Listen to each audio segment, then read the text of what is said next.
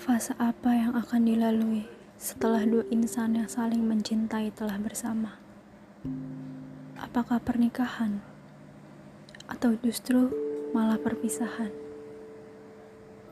Kuakui untuk menuju suatu puncak keseriusan hubungan seperti pernikahan itu masih sangatlah panjang dan waktu yang tidak sebentar.